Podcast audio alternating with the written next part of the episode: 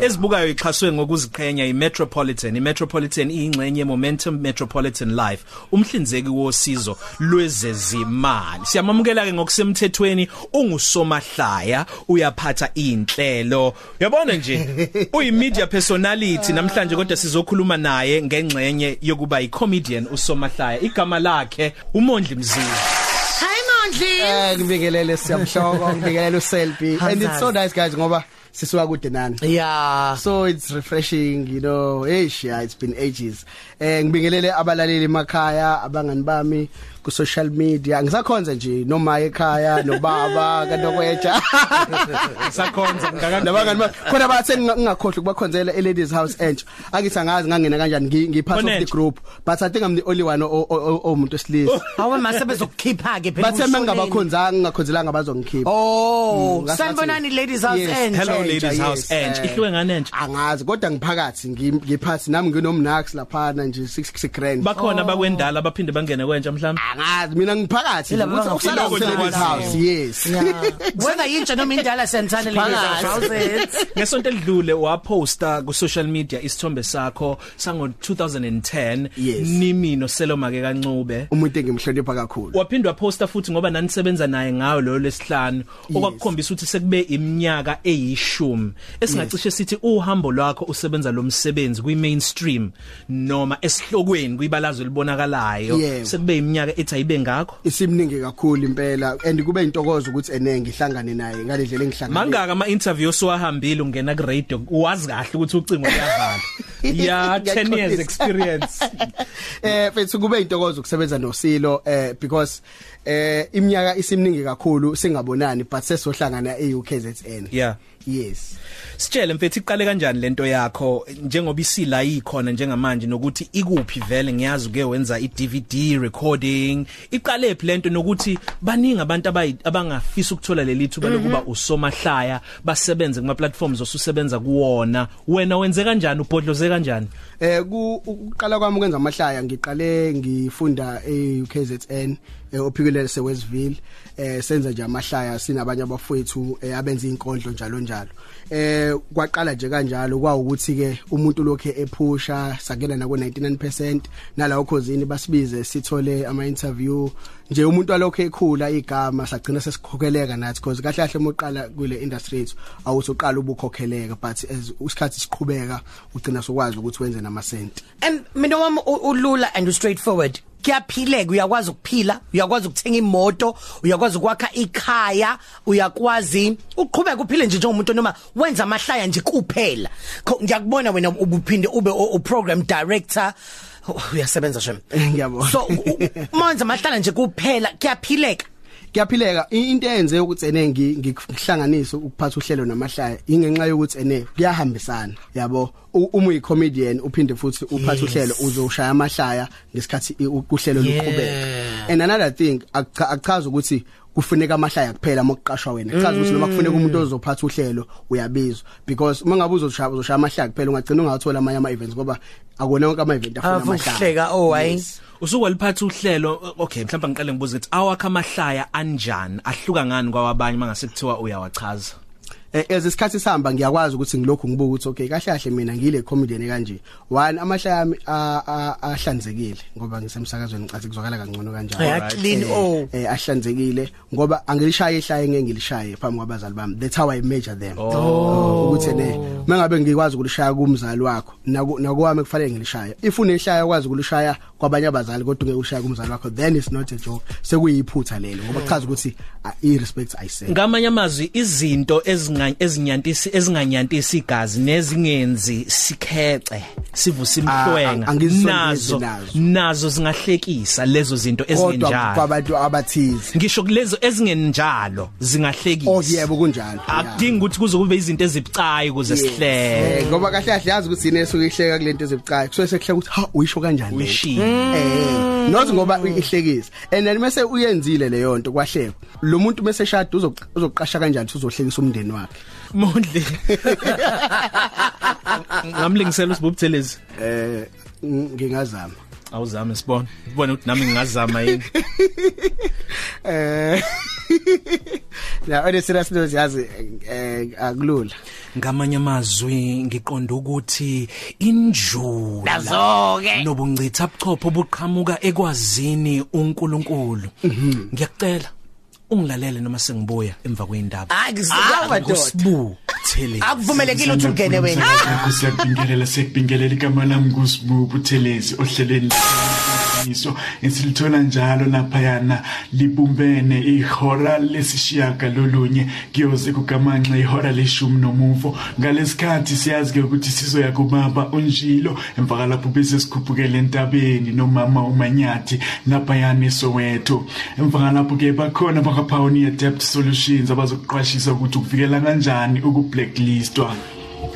Ngicabanga ukuthi wenze kangcono kunami lo mlaleli wethu olingisa uSibubu Thelezi. Nawe sangaqhubeka ke ulingisa umsakazo wakho. Lalela nje ikhangise sizokutshela ukuthi kwenzakalani. Na ungagcina usuyithola usuwina loyo 3000 rand. Ligama enci ihora lesibili amanqampu nqampu nokwazi kahadebe mpela sahleli nayo Mondli Mzizi eh, kwezibukwayo ezixhaswe uMetropolitan. Mondli Yeah. umbuzo ekade ngifuna ukubuza wona mfethu ngalesi sikhathi ukuthi sekuke kwenzeka mhlambe uthola ukuthi ngiyalinganisa nje. Mhlambe wenza amahlaya esizulu. Yebo. Ebese mhlambe ngithi mina ey angisaphumelelanga ngiwo omunye usomahlanga ngithi mina ey angisaphumelelanga ke manje ey mondli fethu awungenela ungikhave lapha. Uye kanti angikubriefanga mina ukuthi abomdaba basendiya mhlambe noma belungu. Noma belungu sekumele Yes. improvise ke manje uhlangahlanganise. Wenza njani? Entweni enjengaleyo ngiqonda ngqo ngoba phela into ebaleke kakhulu nje imali. Oh. eh makunemali nje iyokwenzeka iplan. Yeah, ngamanye amazwi- sekuke kwenzeka kodwa ngamanye amazwi uthi ngisho noma unganakho okwakho othi lokho okwami ngenza Yes. amahlaya nje. Ehhe. kodwa zilungiselele ukuthi nanoma yinini mhla kwenzekile zi- kuqhamuka kube abalo olunye uhlanga yebo. En- enye indlela uyabo? Yebo yes. Lokho kwenzeka kodwa ngiye ngisho ukuthi uma ungahlekanga la kulomcimbi u- uyohleka ekhaya i take away. well so so singithole enye into la ukuthi kahle kahle kushuthi niyayilungiselela emsebenzini wenu. Hayi ukuthi nje vele uvesana ufika stage and uvesana uqale nje mase uyayishiblikela ezinye imaterial yakho uyayilungiselela. Njengoba une script nje. Nawe kufanele ube naso script mhlawumbe ungagcina ungasilandelanga sonke kodwa uyazi ukuthi u- isequence yakho ubucabange ukuthi uzoqala kanjani. Uzoqala mhlambe ngo- nge-lifestyle ethize uze ngani yabona? Bese u- lokho kuyakusiza ukuthi ukhumbule izinto ozobukhuluma ngazo ngesikhathi uperform. Njenge motivational speaker umfundisi uZondo wayesifundise ngo 2004 5 Yeah. wayesifundisa ukuthi iba nezinto ezu3 eyokuqala ma- ezu2 zama eyokuqala mayingangeni zama yesibili mayingangeni ebantwini vala. Ya kunjalo. Nathi ngala kakuthina uDavid Kawu icomedian engihlonipha kakhulu wasitshela ukuthi icomedian eyaziyo ukuthi ifunani iyazi ukuthi siphi isikhathi efanele ishiye ngaso stage. Aw- awungitsheleke nje awuzama ukucoacha umuntu ukuthi ma ukuthi icebreaker yakho indlela ovula ngayo ayisebenzanga. Yeah umbuzo wami asisho Aku kodwa- right. asisho kodwa uthi awuqhamuka iscreen awu kama kuscreen yes. Wenza njani mfethu? Umchushise nje umuntu ngoba kuyenzeka um- umuntu osekhaya mhlawumbe ufuna uzuyo- ukwenza amahlaya. uzuyohlala phansi kungahlekwanga uhambe uzugcina ushintsha icareer uyibona ukuthi shoot nje mina ngiyilutho kulento yamahlaya. Kanti unasi isiphiwo ukuthi nje khona lezo zinto ezibalekile ongachushisekanga kuzo Okay okokuqala nje ngifisa ukuthi ngikusho ukuthi kufanele wazi ukuthi insuku azifani. Ngishiso yini na? Nathi so somahlaya nje simkatshuvovu ngidala ngesinye isikhathi kwakunohlelo elaluse Zulu Jazz Lounge. Kwakuyihlelo le jazz and the audience ilinde ama artist jazz aphezulu awafika. Nganoma kwakungakhukhwanga noma kunjani sathathwa kwathiwa sohlekisa lapha. uMC wethu akahlekisanga nathi sangena so somahlanga ngibasho ngegama sangahlekile bayibukela nje abantu. they were so angry. So sathola lethu ukuthi hayi labantu badiniwe kahle kahle abafune emahlaya bafuna le jazz yabo. Hawu. Yabo. So that's number 1 yabo sinsuku ayifani ngempela. So ngeke uthathe lelo lasuku bese ulifake ekuthenini mina ikusasa lami alikho. Ngoba uye endaweni errong ngesikhathi esirong okunye nje okunye engakusho ukuthi indlela okhetha ngayo amahlaya it's very important. Or ibalekile yaxolisa ngoba into eyenzakalayo omunye umuntu khona umshado engangaya kuona kwathiwa kunomfana ozofushaya hayi amahlaya. mshado. Lo mfana lo wathi meqala nje ngena useshaya amahlaya ngokudlwengula ushaya amahlaya ngogogo. Hey babe ngadiniwa abantu bathi abasafune kwamahlaya. Kwathi wayi usakhona usomahlaya oright kwathiwa asisafune. Asale sehambe Yabo? aphindele Awu, emuva. ngaphatheka kabi because mina bengeke ngenza amahlaya anjalo. So yabo lo muntu lokuthi since then ngawuthi azangaphinde afuna ukwenza amahlaya. Ngoba wathatha lamahlaya abawaxoxa behlalele nabafowethu useyewasho emphakathini kukhona abantu abadala?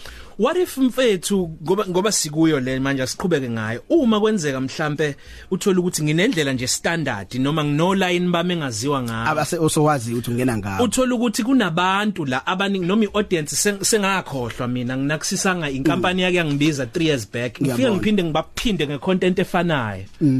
Hayi nabaculi vele ngithi ba ba- ba otira labo bacula icule elilodwa for 2 years 3 years I repertoire efanayo. yabona Eh. kodwa ke phela amahlaya ayadinga ukuthi noma ngabe uyakwenza lokho ubuye uthi kulokhu unonga unonga yabo Okusha. eh okusha yabona ukuze ngasale sekufana nento endala Mawubuka uTV na TV wena uyahlekisa eh ingo inxa yokuthi ene ukhuluma ngesingisi. Eh. so isingisi mina siya delay afane at times so siphele. Sibuye siphele isingisi. isingisi sami sami sami siphele. Futhi ngize ngithandaza ukuthi inkosi yami ngiba ngikwi accident yemoto ngicela nje kungabi khona umlungu ngoba uyacabanga kwi accident Uzufe- ngi traumatized Ah! sefanga ngikhuluma isingisi. Ngingagcina sengithi sorry say it won't happen again.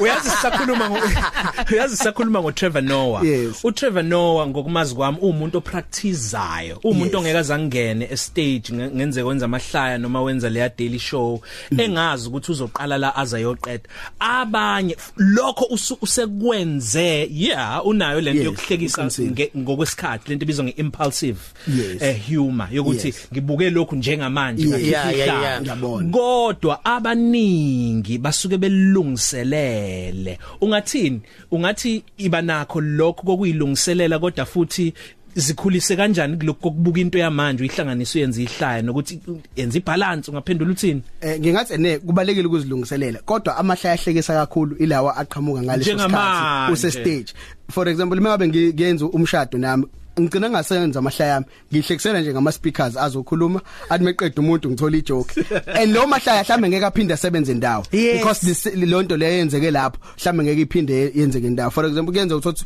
kuzomunye ubaba uthi ngithi lo baba eseqedile ukukhuluma ngithi ayazi lo baba. Ngimbuye ngamthanda ngiyafisa kuthiwa baba baba bese ngithi kodwa akayona itype kama yabo? Uthola singempela nabantu babothi hayi ngempela akayona itype kama kamuhle. Yabo? Man. so I- ngekugcina kwenzeka kwenye indawo lo icash zishaya ibuya futhi zingenisile njengamanje. Lokho ku TV icash nje Lokhu no ama- social ama-video, media yes. noma ikuphi. Ukubona kweyenye into ethatha icomedy ise kwelinye izinga ithi 22 noma uyibona kanjani? Noma ke mhlawumbe ngibuze ngokuthi njengamanje ikuphi okuyikona kona ocabanga ukuthi njengosomahlaya ikona okungenisayo okuyi chapter entsha kwi comedy? Eh ukuthi into engiyibonayo wonke umuntu wenza ngendlela abona ukuthi ene iyamsebenzela. So angifuni ukuthi kuthi umondli wagxika okunye. Ngi- ngithi mina abafethu noma yini abona ukuthi iyamsebenzela akuqhubeke Mayizohlekisa nayo. nje. mina kodwa anginaso isikhathi sokwenza amahlaya ngiwaposte mahala because ngiyaqashwa bese fanga create futhi i-content ayabiza Yeah. so Yeah. ngiya ngikwenze nje mangabe ngi- ngineme. So mawubuka usumahlaya sinabo la eningizimu Africa njengamanje ungasho ukuthi amahlaya noma eh, lo mkhakha u- u- uphephile ukwi safe hands? Ya ngingasho kanjalo ngoba bonke bayazimisela.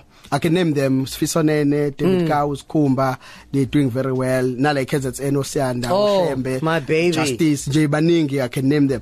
Ngisiya supportana futhi into engithanda ngecomment ukuthi siyabambisana kakhulu. Sesivalelisa imapha ama products akho are out there kwi market eh, ncwadi comic DVDs benginohlelo lo TV okuyinto ekade ngijabulela kakhulu ukuthi hawu nami nje ngibe nohlelo ku Yes, TV so kwaba ithuba elihle kakhulu le ngiyabonga kakhulu. Ichannel ngesibize ngegama and then ngase ngenza ne DVD ngenza one man show abantu bafika ngathutha kunabantu abasuka nje baye kwenye into bazobuka Yeah, mina. yeah. kwagcwala ngenza ama show 2 2 pm 8 pm full house. Eh kwamnandi kakhulu nga record i DVD ngilo ngiyidayisa ke nje lendlela engihamba khona. Eh ngaphinde ngase ngaya ko Botswana Gaborone ngiyoperforma eSwaziland eLesotho. Lo mathuba kanjalo nase Mozambique Portuguese Island. Ayaqhamuka. Ay- ayangisiza ukuthi hawu ngingabe ngathi umondli nje waseThekwini. Yabo? Ngi- ngiyasabalala nami. Yabona. Muhle umsebenzi wakho umondla abantu bayawuthanda umsebenzi wakho. Mabefuna ukubona ngiyazi awu- awu awu post man kodwa ke nje mabefuna kodwa ukulandela kuyenzeka yes social media @mondli mzizi. Ngicela bangilandele ku Instagram kakhulu. Eh iwona nje ngathi ngilala kuona ethi Mondli Mzizi na Twitter ethi Mondli Mzizi Facebook Mondli Ashamzizi eh ngicela ngicela ukukhonza bandla ekhaya ehlokozi nakanokweja ngiyathi ngiyabathanda kakhulu. Cha ngithi mina ngasemakhaya ngofam boy. so ngiyazi balalele bashithi Mondli usikhonzele inkoneni kambongo eKhaboma love you guys. Nje nani guys ngiyanithanda yes sweerimani Sibonga kakhulu Mondli. Nase Clarota Clarota bathi ngiyabakhohlwa. Kanti mina vela ngene wakhona ngifika sengizolala. Siyabonga kakhulu Mondle ezibukwayo ubuzilethelwa ngokuziqhenya iMetropolitan iMetropolitan ingxenye Momentum Metropolitan Live umhlinzeki wesizo lwezezimali osemthethweni Positive Cafe. Ilunch yakho ayifani neyizolo.